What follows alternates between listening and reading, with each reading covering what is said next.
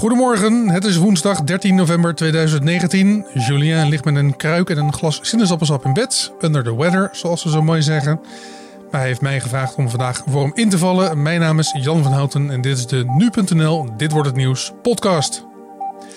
Het impeachmentonderzoek naar de Amerikaanse president Donald Trump gaat een nieuwe fase in. Vanaf vandaag gaat het Huis van Afgevaardigden, het Amerikaanse congres, openbare hoorzittingen houden. Dat is nu de grote verandering. Dat miljoenen Amerikanen uh, vanavond live kunnen meekijken. Of dat genoeg zal zijn om de publieke opinie enorm te doen omslaan, dat is nog zeer de vraag. Je hoort straks meer van onze buitenlandredacteur Matthijs Lelou. Maar eerst kort het belangrijkste nieuws van nu. De Belastingdienst negeerde jarenlang interne meldingen over misstanden bij de behandeling van burgers. Dat meldde RTL Nieuws en Trouw vandaag op basis van een brandbrief van een gepensioneerde ambtenaar. De Belastingdienst zou bij 40.000 mensen geld terug hebben gevraagd, ondanks dat ze recht hadden op uitstel van betaling. Interne klachten over de handelswijze werden door de top van de Belastingdienst genegeerd. De ambtenaar heeft een dossier aangelegd van voornamelijk e-mails tussen hem, collega's en de top van de Belastingdienst. Hij is ermee naar buiten gekomen na de zaak rondom de kinderopvangtoeslag. De Belastingdienst had deze toeslag van honderden ouders onterecht stopgezet. De ambtenaar was van 2014 tot 2016 werkzaam bij de afdeling invordering van de Belastingdienst. Hier moest hij bezwaren van burgers in behandeling nemen. In Bolivia heeft oppositieleider en senator Janine Áñez zichzelf uitgeroepen tot interim-president. In het Zuid-Amerikaanse land was een machtsvacuum ontstaan nadat zondag president Evo Morales aftrad. Tegelijkertijd met Morales traden ook de vicepresident af en de voorzitters van het Senaat en het Lagerhuis. Janine Áñez van de oppositiepartij Nationale Eenheid is de tweede vicevoorzitter van de Senaat en komt volgens de regels nu als eerste in aanmerking voor het presidentschap. Evo Morales trad zondag af na wekenlange protesten. De betogingen begonnen na een omstreden verkiezingsuitslag in oktober, waarbij Morales de overwinning claimde. Hij werd beschuldigd van verkiezingsfraude. Morales is inmiddels naar Mexico gevlucht, waar hij politiek asiel heeft gekregen. Venetië is gisteren getroffen door de zwaarste overstroming in 50 jaar. Het waterpeil in de Italiaanse stad bereikte 1,87 meter boven de normale stand. De basiliek van San Marco is volgestroomd en ook verschillende pleinen en straten staan onder water. Burgemeester Luigi Brugnaro vreest grote schade aan de stad en staat op het punt om de noodtoestand uit te roepen.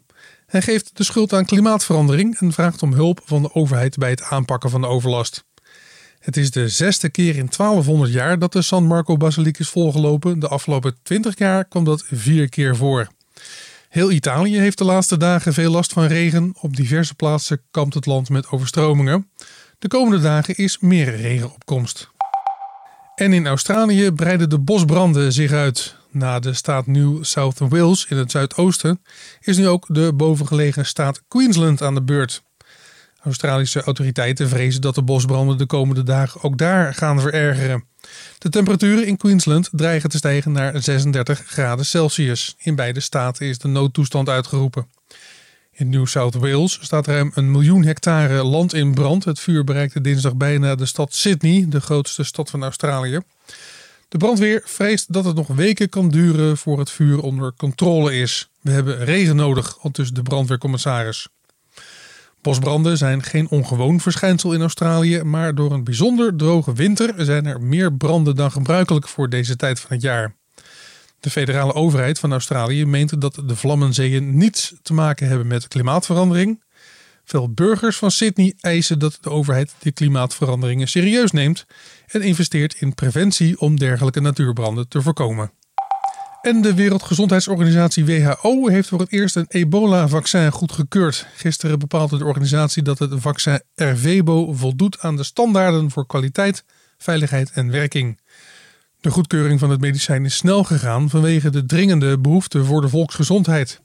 Ervebo van het farmaceutische bedrijf MSD is een medicijn dat via een injectie is toe te dienen en het beschermt tegen het ebola-virus.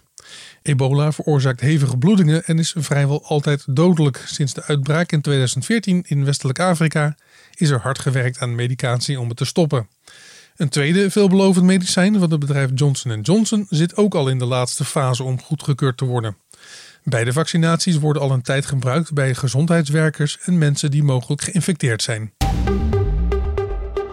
En dan het nieuws van de dag, oftewel dit gebeurt er vandaag. Het Amerikaanse Huis van Afgevaardigden is al bijna twee maanden bezig met een onderzoek naar een mogelijke afzettingsprocedure tegen president Donald Trump. Tot op heden werden de verhoren achter gesloten deuren gehouden, maar daar komt vandaag verandering in.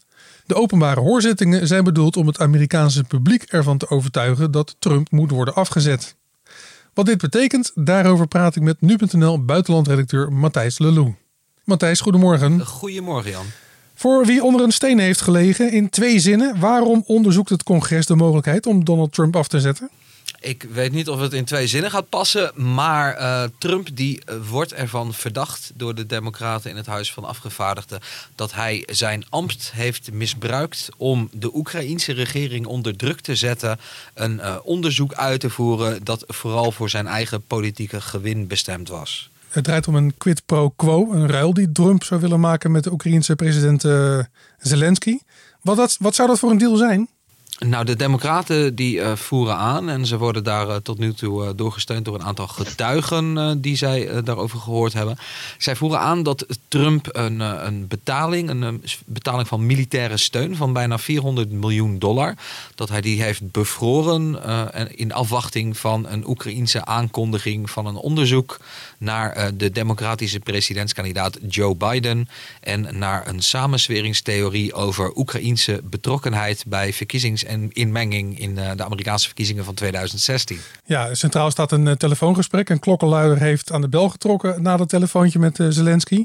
Een transcript van dat gesprek is door het Witte Huis openbaar gemaakt. Wanneer het huis, waarna het naar huis is begonnen met een onderzoek. Tot nu toe zijn de verhoren achter gesloten deuren geweest. En zijn de transcripties inmiddels één voor één naar buiten gekomen. Welke verklaringen tot op heden zijn het meest belastend voor, voor Trump, volgens jou? Nou, de meest belastende verklaringen zijn afkomstig van een aantal uh, topdiplomaten, voormalige en huidige uh, regeringsfunctionarissen. En uh, zij zeggen dat Trump en de zijnen, en dat die inspanningen die werden geleid door de persoonlijke advocaat van Trump, Rudy Giuliani, veel mensen nog wel bekend als oud-burgemeester van New York. Giuliani die heeft geen officiële regeringsfunctie. Hij is echt de persoonlijke advocaat van Trump. Maar hij zou desondanks aan het hoofd hebben gestaan van een schaduwbeleid op het gebied van buitenlandse zaken. En dan vooral ten aanzien van Oekraïne. Die uh, topdiplomaten die uh, de Democraten al hebben gehoord, die uh, zeggen dat er wel degelijk sprake was van het quid pro quo, het voor wat hoort wat, wat jij zo net al noemde. Trump die zou namelijk eigenlijk hebben gesteld dat de Oekraïense president uh, Volodymyr Zelensky dat hij publiekelijk moest aankondigen dat zijn regering de Democraten en Joe Biden ging onderzoeken. En in ruil daarvoor zou dan die militaire betaling worden vrijgegeven en zou uh, Zelensky een ontmoeting met Trump in het Witte Huis krijgen. En dat beeld dat, uh, wordt bevestigd door de, de, diplomaten die ze tot nu toe hebben gehoord. Dus dat uh, ziet er vooralsnog vrij belastend uit voor de president. Ja, er zijn heel wat mensen die dus hun verklaring hebben afgenomen. Diplomaten, oud-ambassadeurs, medewerkers van het ministerie van Defensie onder meer. Ze zijn allemaal aan het woord gekomen. Die verklaringen zijn openbaar. Uh, waarom dan toch deze publieke hoorzittingen die vandaag beginnen? Nou, die verklaringen die zijn uh, openbaar gemaakt nadat de Democraten al besloten om deze volgende publieke fase van het uh, onderzoek in te zetten. Ze hebben eerst hebben ze dus inderdaad achter gesloten deuren onderzoek gedaan. Dat was zeer tegen de zin van de Republikeinen. Die zeggen dat het belachelijk is dat het op die manier gebeurde, omdat Trump helemaal geen gelegenheid kreeg om zichzelf te verdedigen. Nou, als je kijkt naar impeachment-procedures uit het verleden, er zijn er twee uit het vrij recente verleden tegen Bill Clinton en tegen Richard Nixon. Nou, als je kijkt hoe die zijn verlopen en naar de regels uh, omtrent zo'n afzettingsprocedure die door het Huis van de Afgevaardigden zijn aangenomen, dan uh, hebben de Democraten eigenlijk niet zoveel raars gedaan met die hoorzittingen achter gesloten deuren. Maar toch zullen zij nu ook hun zaak uh, moeten presenteren aan het Amerikaanse publiek. Zo'n impeachment-procedure, dat is geen juridisch proces, het is geen strafrechtelijke procedure, maar het is puur een politiek proces dat uiteindelijk gevoerd moet worden in de Amerikaanse Senaat. Nou, dan is de mening van het Amerikaanse publiek is heel erg belangrijk. En uh, die publieke hoorzittingen die geven de Democraten nu de gelegenheid om, om de bewijzen tegen Trump eigenlijk op televisie uit te zenden. Zodat miljoenen Amerikanen die met eigen ogen kunnen zien. Ja, want uh, de Verenigde Staten die is politiek nogal tot op het uh, bot verdeeld. Trump zelf die, die vond het een perfect call. En deze hele procedure is een heksenjacht. Uh, door het Huis van Afgevaardigden dat in handen is van de Democraten. Wat is de, tot op heden de strategie van de Republikeinen uh, geweest? Nou, Trump zelf die, ja, die spaart de zweep niet. Die roept inderdaad dat er sprake is van een heksenjacht. Hij heeft het ook al een, een gepoogde staatsgreep genoemd.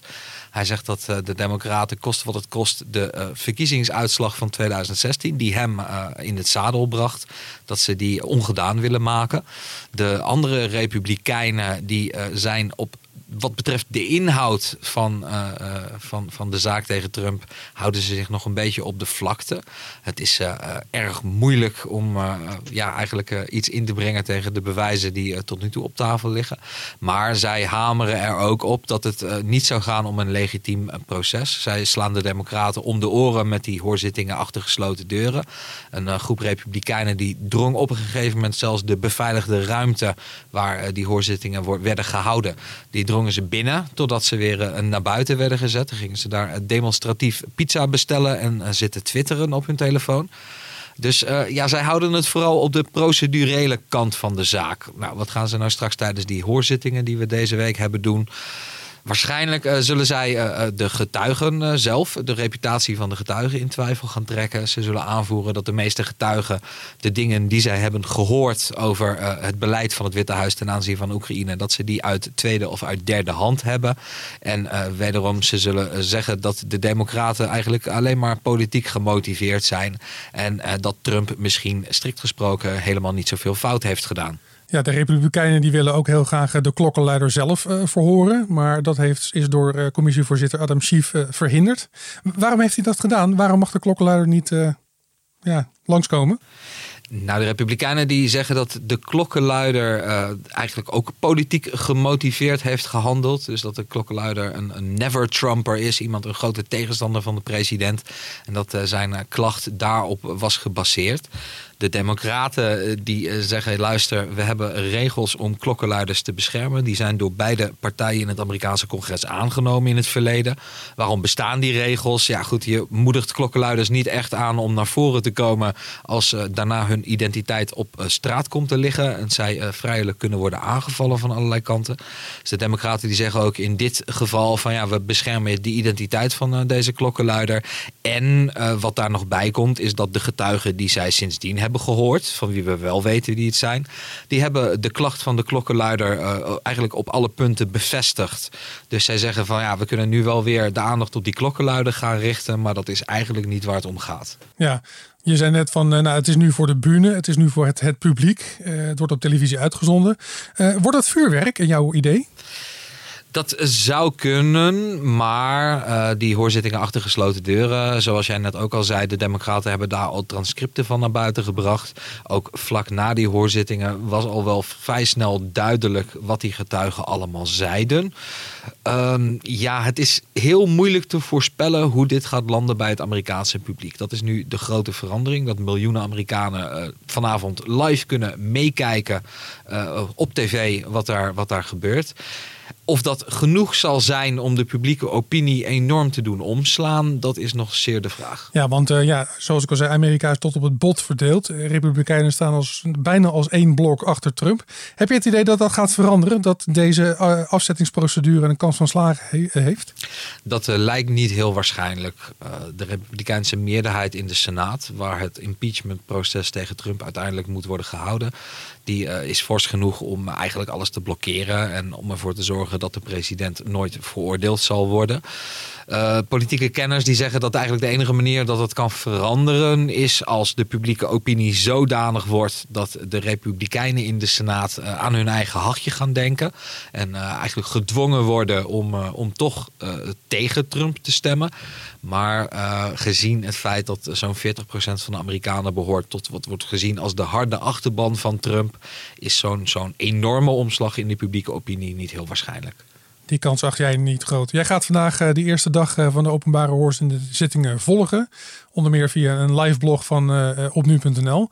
waar kijk jij persoonlijk het meeste naar uit vanavond? Waar ik zelf het meeste naar uitkijk, nou ja, die verklaringen die de getuigen gaan afleggen, daar is al heel veel over bekend. We weten eigenlijk al wel wat ze gaan zeggen. Maar het is natuurlijk wel iets anders om op beeld te zien hoe iemand dat daadwerkelijk zegt. Dus waar ik vooral naar uitkijk is, is hoe krachtig dat gaat zijn. Hoe hard gaan, gaat bijvoorbeeld eh, de, de man die vanavond zal spreken, diplomaat eh, William Taylor, de uh, huidige waarnemend ambassadeur in de Oekraïne.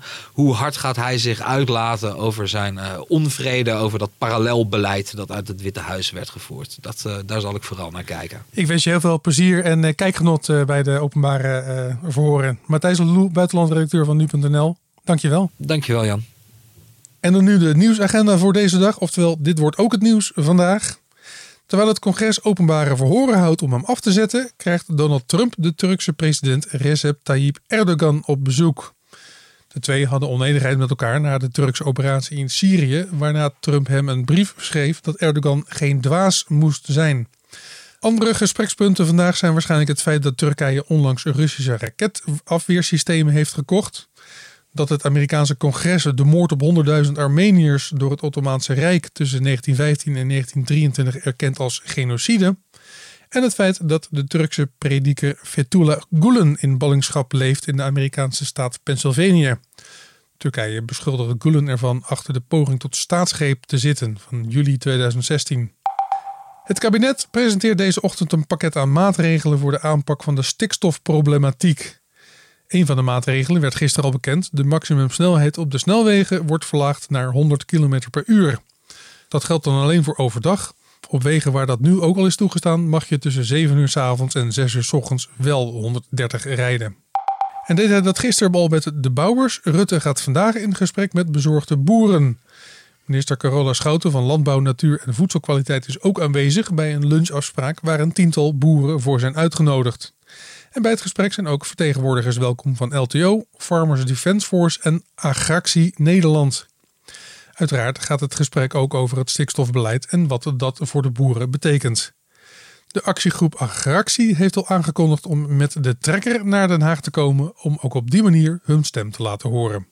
En nog een nachtje slapen en dan is het zover het nu.nl drugsdebat. Als je het mij vraagt, zijn drugsgebruikers net zo schuldig als dealers. Ik vind dat cocaïne legaal zou moeten zijn. Het nationale drugsdebat, donderdag 14 november op nu.nl. Wil jij meedoen? Kijk dan op nu.nl/slash debat.